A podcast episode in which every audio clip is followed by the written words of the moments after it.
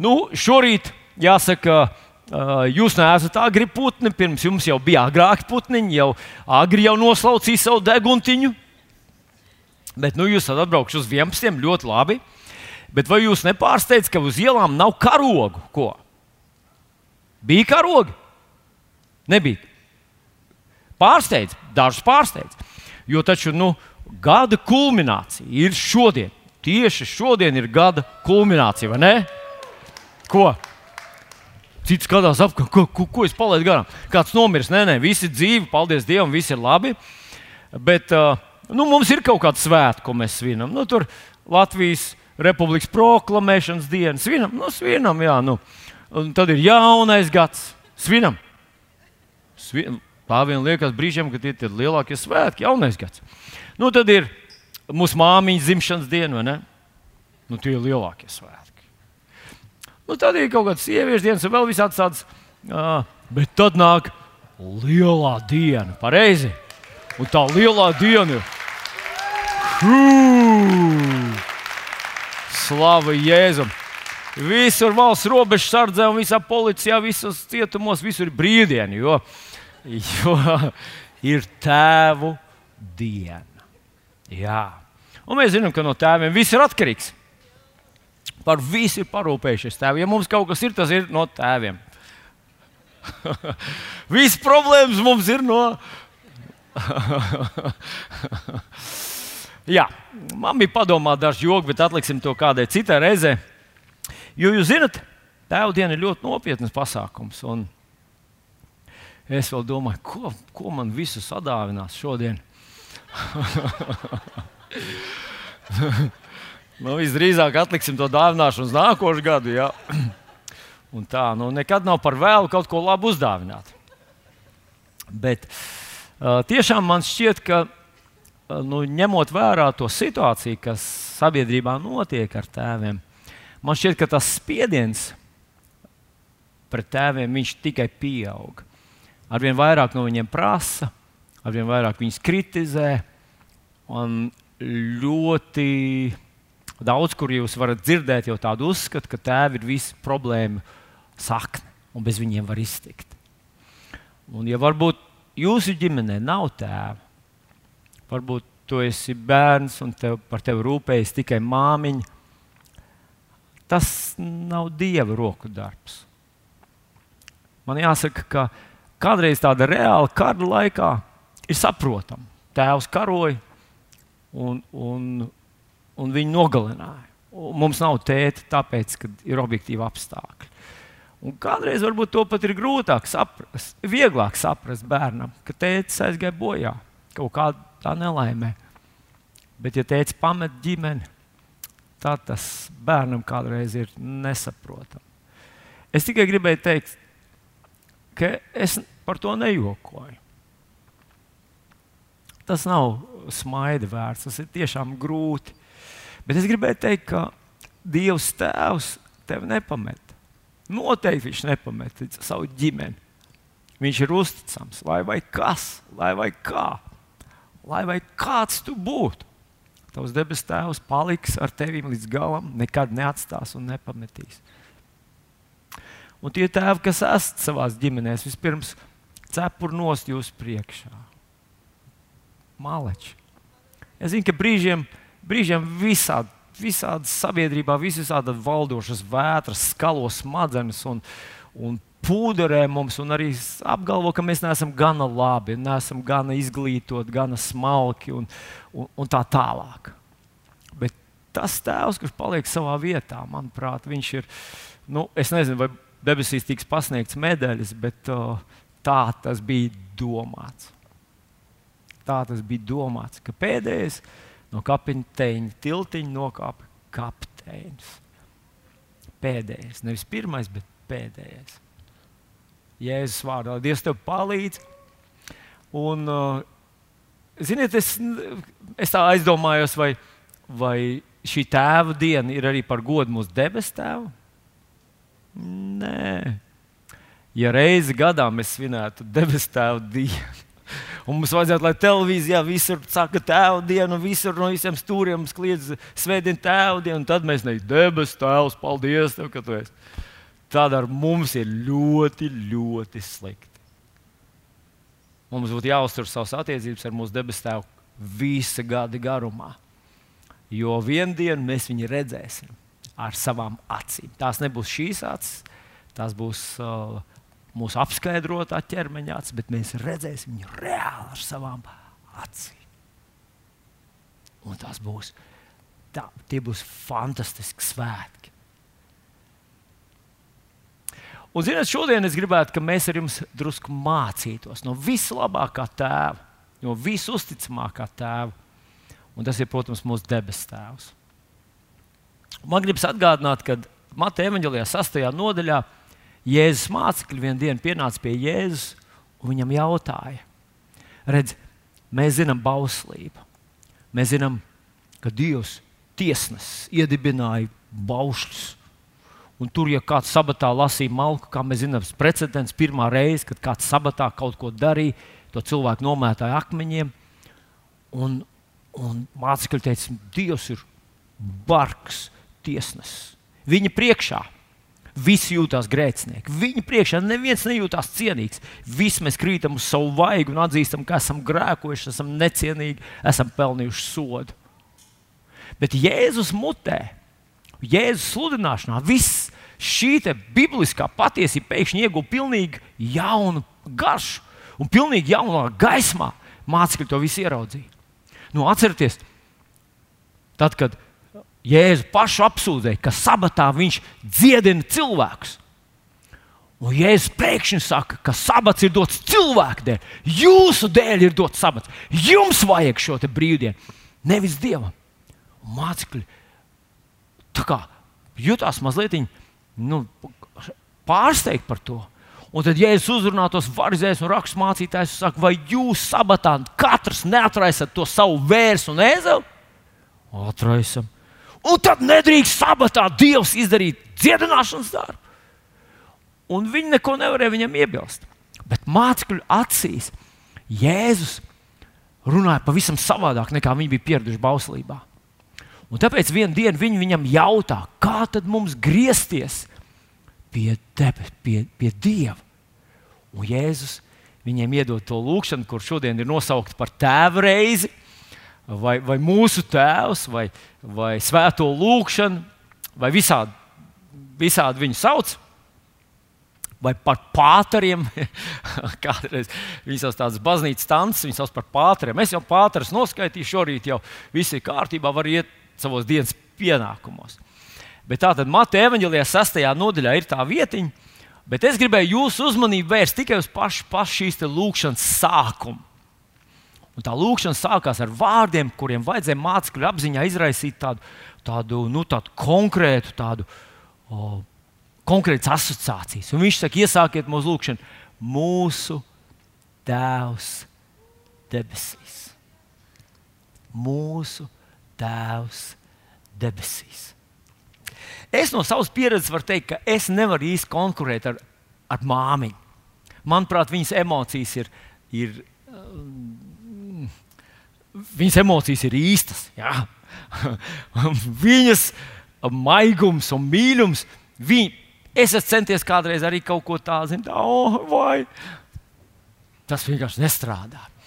Un es saprotu, ka. Nu, Ziniet, arī klavierēm. Klavieres ir lielas, ja? nu, te ir viens pilns klavieris. Un parasti, parasti skaties, pianists, tāds īsts profesionāls pianists, viņš spēlē šī pa vidu. Viņam, nu, re, kā viņš spēlē. Tas tā kā tie mocis, kas pa ielām braukā ar motocikliem, šitā viņi braukā. Un tā spēlē pianists, ja, vidū. Bet tad pienāk kādas reizes, kāds īpašs skaņdarbs, ziniet, kāds ļoti slavens um, komponists uzrakstījis. Un tad tas pianists viņš spēlē tur. Ja parasta, bet tad noiet tur lejā. Un, ko lūdzu? Uz otru pusi gandrīz nekad neiet, jo. nu, vienmēr sakot, jūs saprotat, vīri. ir reizes, kad to mūsu lomu neviens nevar aizvietot. Jā.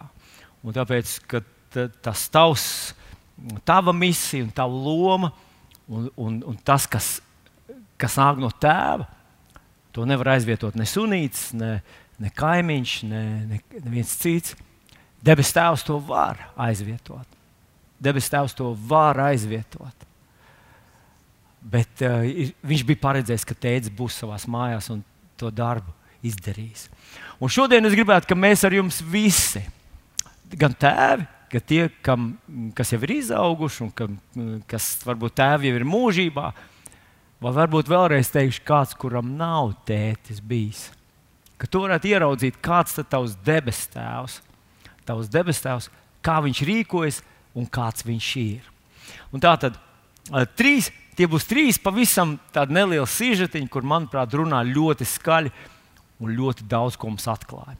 Un pirmā lieta, ko mēs varētu mācīties no mūsu debesu tēva, ka viņš mīl savus bērnus.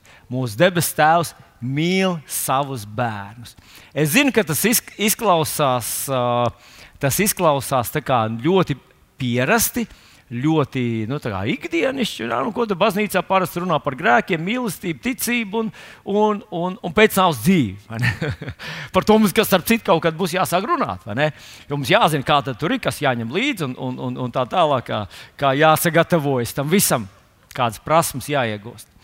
Bet uh, šodien gribētu, es tiešām domāju, ka es to redzēju drusku savādāk. Nu, tie ir divas raksturvietiņas, kuras gribu ar jums uh, vērst jūsu uzmanību. Tā ir Mata evanģelīja trešā nodaļa un Marka evanģelīja pirmā nodaļa. Un paklausieties, tur aprakstīts abos evanģēlijos, aprakstīts viens un tas pats notikums, kad Jēzus tiek kristīts. Bet, kad Jēzus tiek kristīts, tad tur tātad Jēzus iet ūdenī, Jānis Kristītājs viņu kristīja, viņš nāk ārā no ūdens, tad no debesīm laižās svētais gars, viņš laižās tā kā balodis, tā, tā harmoniski un lēnām, svinīgi, un no debesīm atskan balss. Un tā balss uh, abos šajos evaņģēlijos, uh, uh, tajā balss saka citus vārdus. Un pievērsīsim uzmanību, kas tur ir teikts. Nu, tātad Matei 3.17 ir rakstīts tā ka no debesīm atskanēja balss, Dieva tēva balss, un šī balss bija tāda: Šis ir mans mīļais dēls, uz ko man ir labs prāts. Viņš tā kā saka to visiem apkārtējiem. Tas ir mans tēls. kā mums Latvijā ir uh, Gunārs mācītājs, tad viņš man mācīja, ka Diev, ja Dievs būtu latgalietis, viņš teikt, mums dēls, mums dēls. Tā, šis ir mums dēls. nu, jā, viņš tā kā visiem apkārtējiem to saka. Bet Marka evanģēlijā, 1. nodaļā, 11. pantā, šie paši vārdi adresēti Jēzum. Tu esi mans mīļais dēls, uz ko man ir labs prāts. Tātad tēvs saka savam dēlam, tu esi mans mīļais dēls. Es domāju, Es domāju, ka viņa kalpošanas sākumā tas bija ļoti svarīgi, ka svētais gars nonāk par viņu, bet ļoti svarīgi arī bija šī te, šie vārdi. Kā mēs zinām, ka Dieva vārdi nav tikai tāda informācija smadzenēm, viņi atnes kaut ko vairāk. Šie vārdi atnes Dieva klātbūtni. Tu esi mans mīļais dēls. Un es domāju, ka katram normālam tēvam vajadzētu nevis vienreiz mūžā, pirms izdošanas pie vīra vai, vai pirms kāzām, ka tu atvadies no sava bērna. viņš te dzīvos kaut kur citur un saka, tu biji mans dēls. Jā. Bet tu vajadzētu, bērnam to vajadzētu dzirdēt ik pa laikam, ka tu esi mīl tevi. Tu esi mans dēliņš. Es zinu, ka tev ir tas iekšā. Tu varēsi to izdarīt. Tu esi tas, ar ko es, ar ko es lepojos. Nu, otra lieta ir tā, ka debes Tēvs to saka visiem apkārtējiem. Vai tu vari iedomāties, ka pienāk brīdis, kad debes Tēvs to pasaka kādam citam? Hei, tas ir mans dēls! Es pastāstīšu jums no savas pieredzes. Es biju pavisam jauns mācītājs. Tas bija kāds pirmais vai otrais gads, kopš es biju kļuvis par mācītāju. Un tie, kas jūs zinat, man stāsta, zinat, ka sākumā bija ļoti, ļoti grūti. Man tiešām bija ļoti grūti. Es no visas sirds centos būt godīgs, īsts, patiesa Dieva bērns un mācītājs. Bet man tas galīgi nepadevās. Un bija viens puisis, kurš man diezgan atklāti, tā, ziniet, ar tādu viņš jau droši vien vienkārši bija godīgs. Jā? Viņš smieņāja man sejā un teica, nu, kad, ko tad, kā tad un tā tālāk. Tur viss kaut kā viņš tā kā uh, lika man saprast, ka tas nav tas, ko viņš sagaida no mācītāja. Bet vienā reizē bija tāds interesants piedzīvojums. Es nācu uz dievkalpojumu, es biju kaut kur pirms tam lūkšanā, lūdzu tur, un tad es nācu iekšā zālē. Un tas puisis, tā ziniet, tā pakāpās solīt atpakaļ un skatās uz mani. Es neko labu no viņa negaidīju. Ja? Bet pēc dievkalpojuma viņš pienāca klāt, viņš man sacīja tādus vārdus, ka tu man nāci garām. Pēkšņi es sajūtu tādu autoritāti, kas no tevis izstarojas manī. Es sapratu, ka tu esi Dieva iecelts tajā vietā.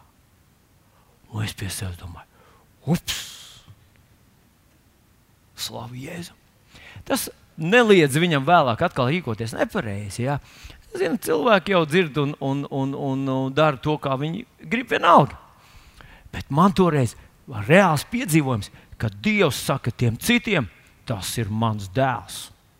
Es viņu tur noliku.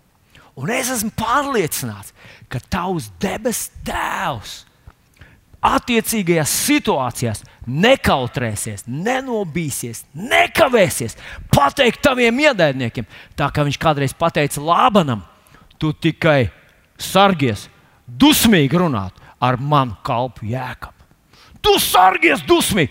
Un Lābans atnāk saka, man paskaties, re, kur ieroči aiz muguras tik daudz zobenu. Mēs gribējām jums nodarīt! Bet viņš man teica, tu sargies! Dievs ir tāds tēvs Es nezinu, vai tev vai kādam citam pateikt par savu bērnu. Sargieties, man puika. Oh, bet tāda mājiņa tāda dod, ka tas ir mans puika vai mana meitiņa. Un viņa tēvs aizstāvēs savus bērnus. Ir kādreiz ļoti labi to darīt. Zinām. Starp citu, piedzīvoju kādreiz tādu stāstu. Amerikā tas gan bija viens biskups, es momentāli aizmirsu viņu vārdu. Tas liels tāds melns, viņš bija nu, afroamerikāns. Un tad viņš teica, ka viņam dēlam tur darīšu pāri konkrēti. Kaut kādu, nu, tas dēliņš jau bija pusaudzis. Un viņš teica, es sapratu, ka viņš pats ar to problēmu netiks galā. Viņš teica, es uzvilku savus ādas cimdus, uzvilku savus melnās brilles un aizgāju tur, kur tie puikas tur ir. Un tie puikas man sveicināja, labdien, biskup! Viņš teica, nē, nē, nē, šodien es neesmu atnācis kā biskups. Šodien es esmu atnācis kā savu dēlu tēvs.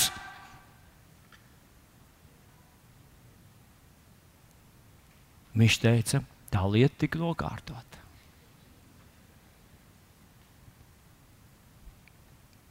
Jā, tavs debes tēvs tevi mīl, bet paklausies kādu ļoti interesantu lietu. Šeit Jēzus nav izdzēsis nevienu dēmonu. Viņš vēl nav pateicis nevienu sprediķi. Viņš nav dziedinājis nevienu cilvēku. Viņš vēl neko nav savā kalpošanā izdarījis. Un viņa debes tēvs saka viņam, tu esi mans mīļais dēls. Uz tevi man ir labs prāts. Dažreiz mēs sev vērtējam pēc tā, ko mēs esam labu priekš Dieva izdarījuši, kādas viņa domas ir par mums, pēc mūsu rādītājiem. Tici man, un šis ir pierādījums tam, Dievs tevi nevērtē pēc tā, ko tu esi izdarījis ko tu esi sasniedzis, cik daudz ziedojis, cik daudz esi paklausījis, cik daudz tu esi bijis dievkalpojumos. Dievs tevi pēc tā nevērtē.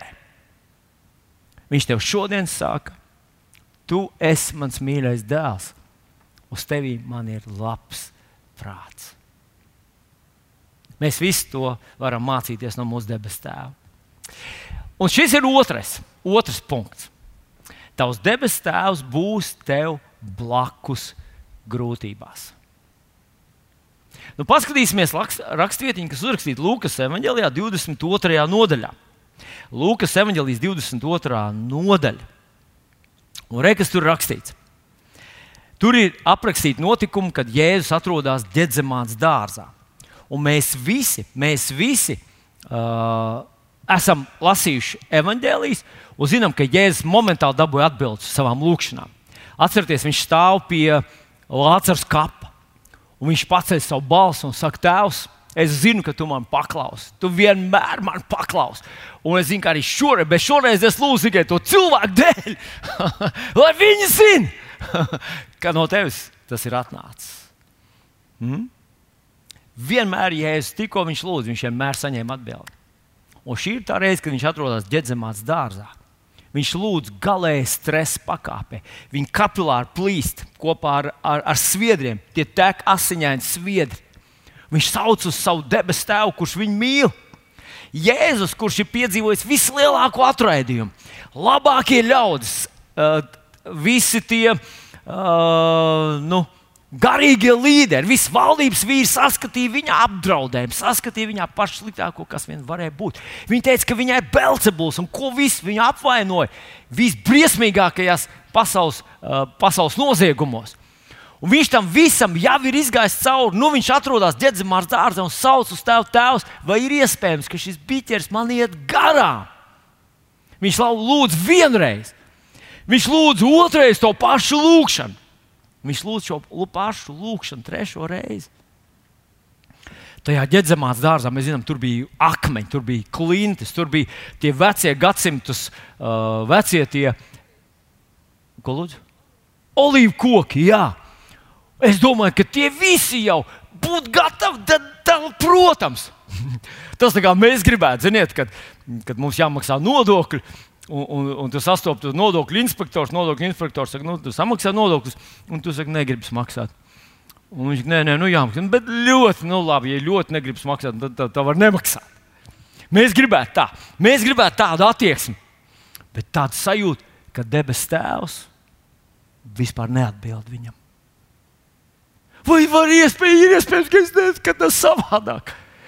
Un ziniet, kādas man ir asociācijas?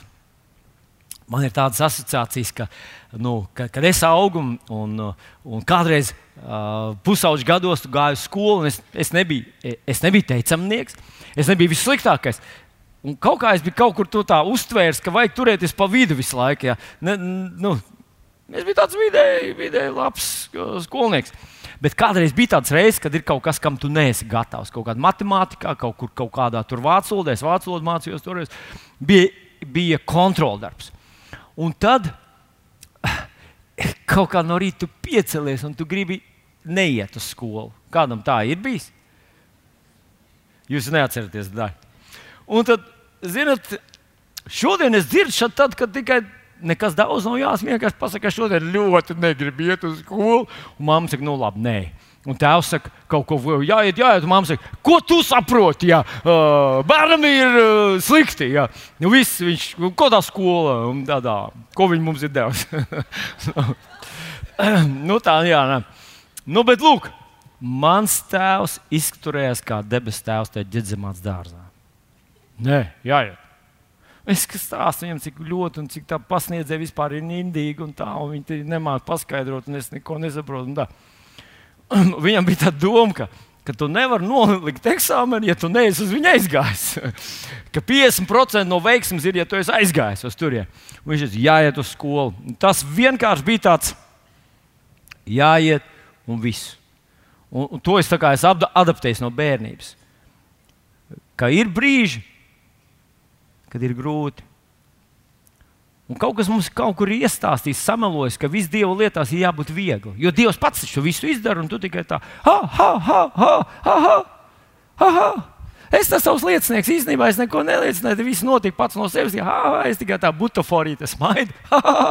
es, jā, es te uzticējos. Neko es neuzticējos, vienkārši tā notika. Bet tā doma, ka Dieva darbā izdarīt dieva gribu, kādreiz var būt ļoti, ļoti grūti. Un Dievs tevi neizglābs no tām grūtībām. Nevedīs tevi pa vieglāko ceļu. Viņš neizdarīs to tavā vietā un neteiks, tikai neiespringst. Viss Dieva lietās ir tāds, nu, tāds, hei, tāds tā, nu, tā viegli sanāk. Tā nav. Tieši otrādi, 2. Timotejam 3.12. Ļoti konkrēti apelsīns Pāvils raksta, ka visi, kas grib svētbīgi dzīvot Kristu Jēzu, arī tiks vajāti. Visi, kas grib patiešām iet Dieva ceļu, visi, kas grib paklausīt Jēzus pavēlēm, un Jēzus mācībām un Jēzus vārdam, sastapsies ar vajāšanām. Tā ir viena lieta. Un, ja mēs palasītu tālāk, mēs konstatējam apakstuļu darbos, kā par apakstuli Pāvilu. Paskatieties, kā par apakstuli Pāvilu uzrakstīts apakstuļu darbos 9. nodaļā, 15. un 16. pantā. Apostols Pāvils, kurš bija svaidītākais, kuram bija vislielākās atklāsmes, kurš ietekmē pasauli kā neviens cits no Kristus mācekļiem, par viņu Jēzus saka tā: Viņš ir man izredzēts ierocis nest manu vārdu, tautu, ķēniņu un Izraēlu bērnu priekšā, jo es viņam rādīšu, cik daudz viņam mana vārda dēļ ir jācieš.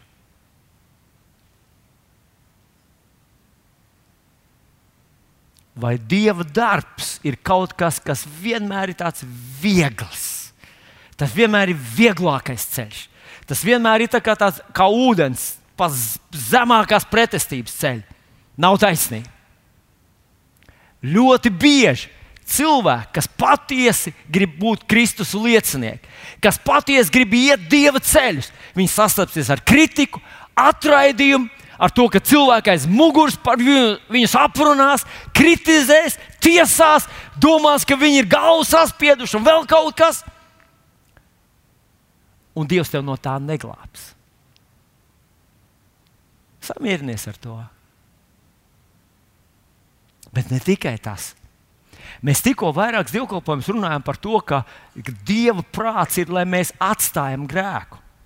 Jā, bet es ļoti gribu grēkot, bet Dievs uzvērs te drīkst grēkot. Man ļoti gribas. Kā jūs domājat, ko Dievs jums teiks? Nu, ja tu ļoti gribi grēkot, ja tu ļoti gribi pārkāpt laulību, nu, laikam jau jātaisa man kaut kāda izņēmuma. Nē, viņš būs tāds pats kā mans tēvs. Teiks, nē, nē, nē. Kāpēc nē? Tas sabojās tavu dzīvi. Tas sačakarēs visu tavu nākotni. Tas, ko tu šodien ieliksi savā dvēselē, tu to nesās līdzi visu savu atlikušo mūžu. Nē. Bet ziniet, kas ir interesanti? Tas grūtais laiks, viņš būs. Bet, ja mēs būtu palasījuši tālāk to Lūkas evanģēlījumu 22. nodaļu, mēs būtu nonākuši pie, pie tāda teikuma. Tur rakstīts, un eņģelis viņam parādījās. Tātad Jēzus trīs reizes sauc uz debesīm. Viņš ir galēji stresa pakāpē. Viņš negrib dzert šo dievu dusmu biķeri. Tā bija tā sāls visā tajā, ka viņam bija jāpiedzīvo maksimāls dieva dusmas, maksimāli lāsta vieta. Un Jēzus to negrib darīt. Viņš saprot, ka tas ir, tas ir kronis visam. Un viņš sauc uz savu tēvu. Bet ziniet, kas rakstīts tālāk? Un eņģelis viņam parādījās, un eņģelis viņu mierināja, stiprināja. Un es pie sevis domāju, kā tad eņģelis viņu stiprināja? Iespējams, ka eņģelis viņam teica tā, nu, tu, tas, ko tu redzi ar savām acīm, ka tevi atraida, tevi atraida rakstu mācītāji, un varizēji, tevi atraida bauslības skolotāji, tevi atraida tie cilvēki, kas apmāca ebreju tautas jauno paudzi, tev atraida valdības vīri. Faktiski tev ir palikuši uzticami tikai tādi 12, nevisai perspektīvi vīriņi. Bet Tas, ko tu neredzi savām acīm, ir, ka pēc kāda laika tūkstoši pieņems jēzu, un pēc diviem gadiem desmit tūkstoši, un pēc tam simts tūkstoši, un pēc tam vēl daudz tūkstoši. Varbūt tā bija viena no stratēģijām, ka viņš viņam uh, rādīja tos ciparus. Varbūt viņam jau bija smartphone. Ziniet, eņģeļiem varbūt bija smartphone pirms tie parādījās pie mums. Un, un viņš viņam rādīja bildītas, un tad viņš viņam rādīja ciparus, rādīja valstis, rādīja tautas, rādīja statistikas. Bet varbūt Viņš parādīja viņam bildīt. Varbūt viņš parādīja apakstu Pāvils seju, jo Pāvils vēl nebija toreiz Jēzus mācīts. Šitais vīrs, viņš šobrīd ir tavs ienaidnieks. Viņš būs klāt, viņš palīdzēs nogalināt pirmo tavu asins liecinieku Stefanu, bet pēc tam viņš pats nomirs par tevi, atdos savu dzīvi par tevi.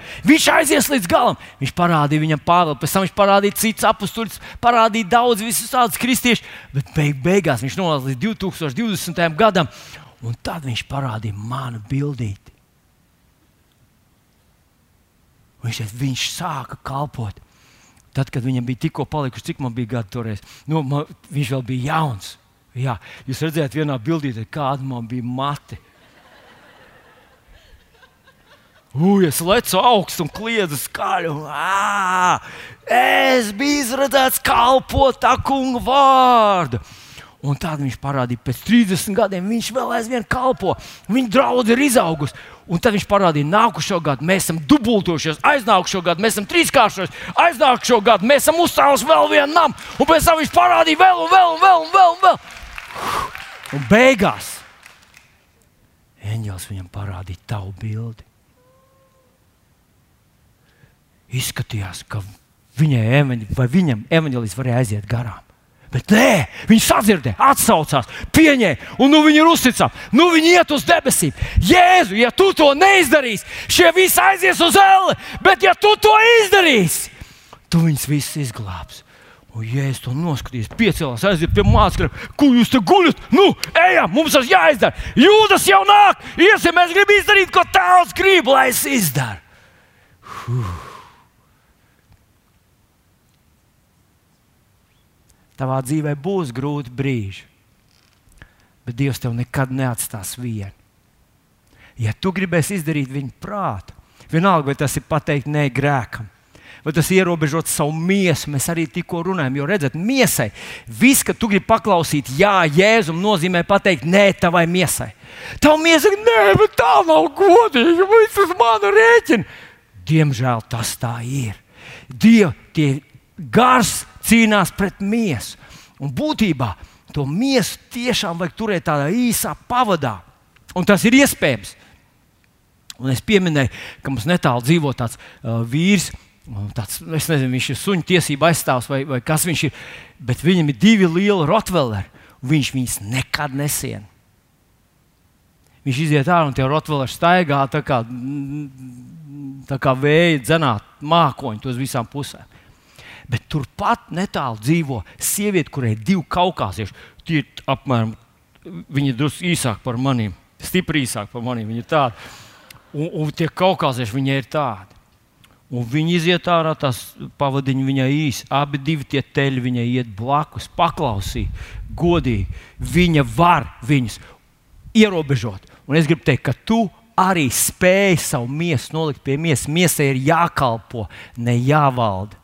Redz, ik pa laikam es ticu, ka Dievs tiešām dod arī mūsu miesiņai druskuļi atslodzi. Bet ne tad, kad viņi pieprasa. Nekad, kad ir ultimāts, nekad, kad miesa saka, hei, es papelnīju visu naudu, es smagi strādāju, man pienākās. Gars saka, nē, nē, nē, nē mīļumiņ, tu esi no zemes ņemts, tev paliks pie zemes. Tev ir jākalpo, jānes augļi un jāpakļaujas garam. Un Dievs Tas nozīmē, ka tie nav viegli brīži, tie ir grūti brīži. Bet Dievs tev palīdzēs. Viņš ir devis savu svēto garu mums. Ar tajos brīžos mēs uzvaram, pastāvam, izturam un paklausam Dievam. Tā tad grūti brīži būs, bet Jēzus vārda dēļ tu viņus uzvarēsi. Un pirms mēs pabeidzam šo nodaļu, es tomēr gribēju parādīt vēl vienu rakstvietiņu, tā ir no Romas vēstures 8. nodaļas. Ļoti dārga, mīļa nodaļa, kuru es zinu no galvas gandrīz visu, bet gribu jums atgādināt vēlreiz. Tur viņš saka tādus vārdus: Ja mēs līdz ar viņu ciešam, kā mantinieki, kā dieva mantinieki, kā debesu valstības dalībnieki, mēs līdz ar viņu tiksim arī apskaidrot. Redz, ja mēs ciešam Jēzus vārda dēļ, tam sekos konkrētas lietas. Rekāds ir nākamais teikums. Jo es domāju, ka šī laikmeta ciešanas ir nenozīmīgs salīdzinājumā ar to godību, kas nāks pār mums. Katru reizi, kad tu cieti Jēzus vārda dēļ, vai Kristus liecības dēļ, vai tāpēc, ka tu gribi izdarīt Dievam paprātam, vai tāpēc, ka tu gribi paklausīt, kā tas kungs tevi ir vadījis, zini ko? Tas vienmēr, nevienmēr ir viegli.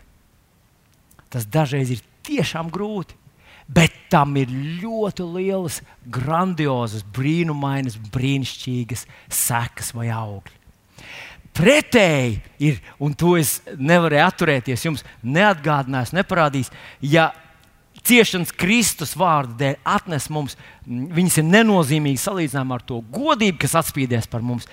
Tad grēks arī sola mums kaut kādas uh, privilēģijas, kaut kādas, kaut kādas nu, labas sajūtas, kaut kādu baudu, bet tā ir nenozīmīga. Ieguvums, bauda, prieciņš, ko sola grēks, ir nenozīmīgs salīdzinājumā ar nākošo postu, kas tam seko. Tāpēc Nebaidies, lūdzu, lūdzu, lūdzu, nebaidies no grūtām dienām, kad tu gribi izdarīt kaut ko Jēzus dēļ, vai tā kā viņš tev mācīja, vai tā kā viņš tev vadīja, vai tā kā viņš pateica. Tam vienmēr ir bagātīgi augļi. Un tā pašā laikā izvairies no grēka, jo grēks tajā klātbūtnē mirklī dod mazu īsu uh, baudiņu. Un mēs kādreiz runājot par grēku, mēs runājam zīmējam tādu ilustrāciju, ka tas ir āķis, uz kur uzlikts kaut kāda ēsma. Un, un, un mēs domājam, cik nepatīkams tas sajūta, kad cilvēks. E, ne, ne cilvēks, bet nu, runāsim par zivi, kas iekožās tajā ēsmā, kad mirklis ir labi. Ja Am! Un tas sajūta āķi. Bet mēs paturam, vai mēs pazaudējam varbūt, no tās bildes to cilvēku, kas atrodas tā pavadiena galā, kas tur krūmos sēž. un to vēl arī jāierēķina. Un tā tas nav tikai sāpes, āķis lūpā, bet tas ir arī viņa plāni, kurus viņš grib ienest mūsu dzīvē, tad, kad viņš mums izmet šo grēka uh, kārdinājumu. Mēs no tā gribam izvairīties. Un pēdējā, trešā lieta, ko debesu Tēvs dara. Debesu Tēvs ir ļoti izšķērdīgs savā atdošanā debesu Tēvs ir ļoti izšķērdīgs savā piedošanā. Mums būtu jāspēj piedot. Mums būtu jābūt spējīgiem piedot saviem bērniem. Redzat, es domāju, ka nav neviena mūsu vidū tēva, kurš visu ir izdarījis perfekti savā dzīvē. Un dažreiz, lai gan mēs esam bijuši nepilnīgi, mēs gribam no saviem bērniem, lai viņi ir pilnīgi. Mēs gribam, lai viņi sasniedz visus tos rādītājus, kurus mēs nesasniedzām, lai viņi izdara visas tās pareizās izvēles, kuras mēs neizdarījām. Bet mums jāsaprot, ka viņiem arī ir tiesības kļūdīties, un dažreiz tās kļūdas maksās dārgi. Bet mums būtu jābūt spējīgiem piedot. Un mūsu debes Tēvs mums ļoti labi to nodemonstrēja. Jēzus mums stāsta Lūkas 15. nodaļā par dēlu, jaunāko dēlu, kas atnāca pie sava tēva un teica, viņam dod man viss, kas man pienākās. Un tēvs man pārsteidz viņa tā, nu, tas naivums. Viņš sadala visu savu īpašumu divās daļās. viens vienam dēlam, otrs otram. Un atdod visu tam jaunākam dēlam. Jaunākais dēls, kā mēs visi zinām, aiziet uz tālu zemi. Tur dundu. Mm, Muļķīgi ieguldījams, kaut kā aplams, stulbi rīkodamies, nekonsultējoties ar savu tēvu, kurš viņam iemācīs principus, ko kā darīt tā, lai tu nepazaudētu. Viņš pazaudē visu. Un tad viņš atgriežas mājās un saka, es esmu visu izplenderējis, visu tavu darbu, mūža darbu. Pieņem, man nav ko ēst, vismaz vienu par saviem kalpiem. Un tad tēvs teica viņam pretī, saka, atnesiet labākās drēbes, nokājot baroto teļu, atnesiet viņam grēdzenu pirkstā, mans dēls bija miris un ir atkal dzīves. Es nedomāju, ka kāds no mums spēja atkārtot šādu dāsnumu. Un tomēr mums vajadzētu savā sirdī paturēt šo piedodošo sirdi, piedot saviem bērniem viņu kļūdas, atļaut viņiem arī kādreiz kļūdīties. Nevis pagrūst, kļūdīties, bet, bet saprast, ka mēs esam kļūdījušies un nav iespējams, ka viņi nekļūdīsies. Viņi kļūdīsies, bet mēs viņus atkal pieņemsim, mēs viņus atbalstīsim. Tas nenozīmē uzreiz atdot otru savu kredītkarti. Varbūt, ja viņš vienu jau ir pazaudējis, nu, varbūt tur drusku jāpiestrādā kaut kā. Bet es runāju par to, ka tas bērns sajūt, ka mēs nevis to visu laiku atgādinām, atgādinām, atgādinām, atgādinām, bet mēs kaut ko piedodam, tad mēs piedodam. Un es nobeigšu ar rakstvietiņu 1. Jāņa vēstulē, 3. nodaļā, 1. un 2. pāns. 1. Jāņa 3, 1, 2. Paskatieties, kas tur rakstīts.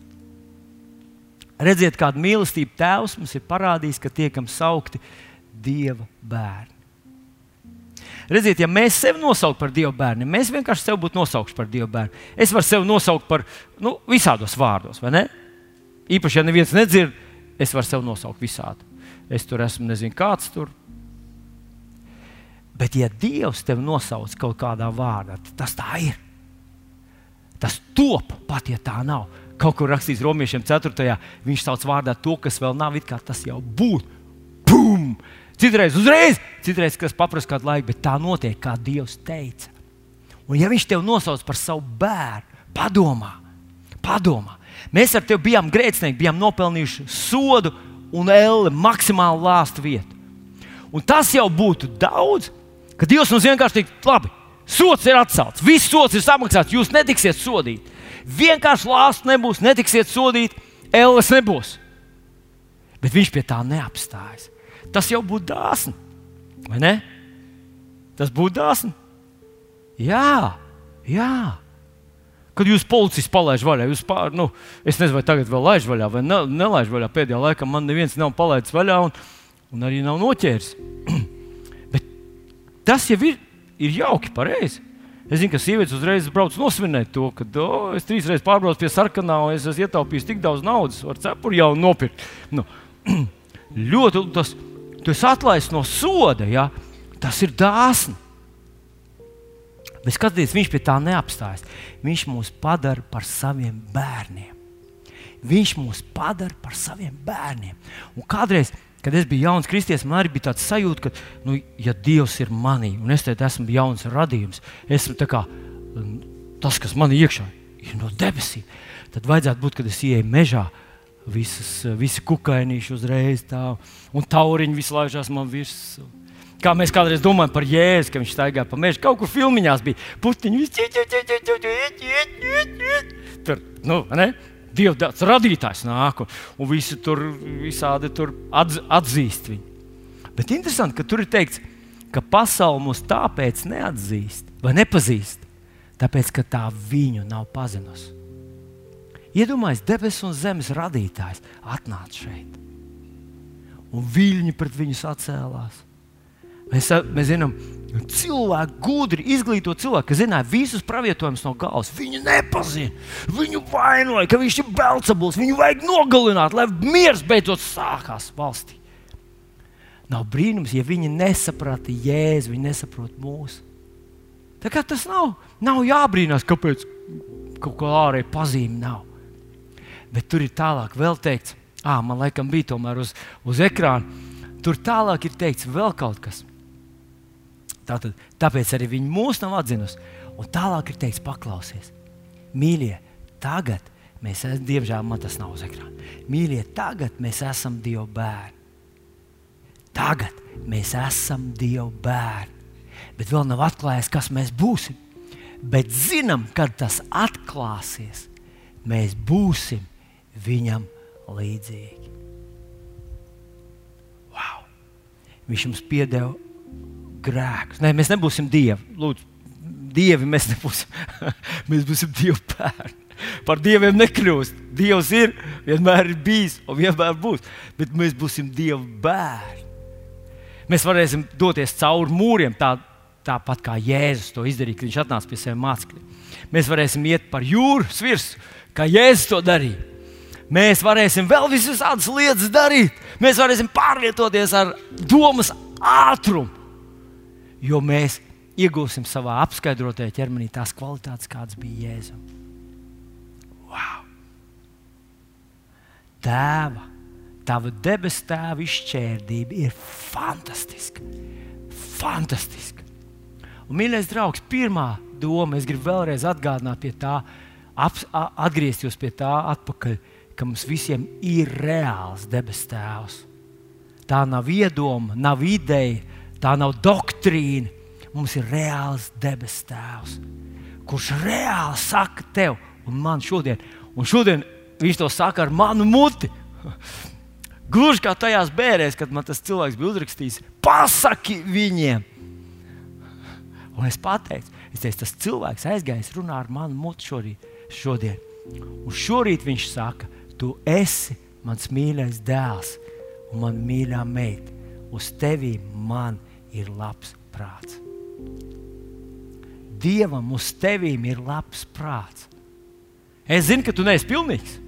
Es zinu, ka tu esi daudz ko salaidis grīstē. Es zinu, ka tu esi, ka tev ir visas tādas lietas, kuras tu slēpi. Jā, kā es to zinu? Tāpēc, ka mums visiem mājās netīrās veļas grūs. Mums visiem ir kaut kādas, kaut kādas neveiksmes, un kļūdas, un gļēvulības un nodevības, kuras mēs esam. Bet viņš tev saka, es tevi mīlu. Otra lieta, ko viņš tev saka, ka, ja tu gribēsi man sekot, brīžiem būs ļoti, ļoti grūti. Tā ir norma.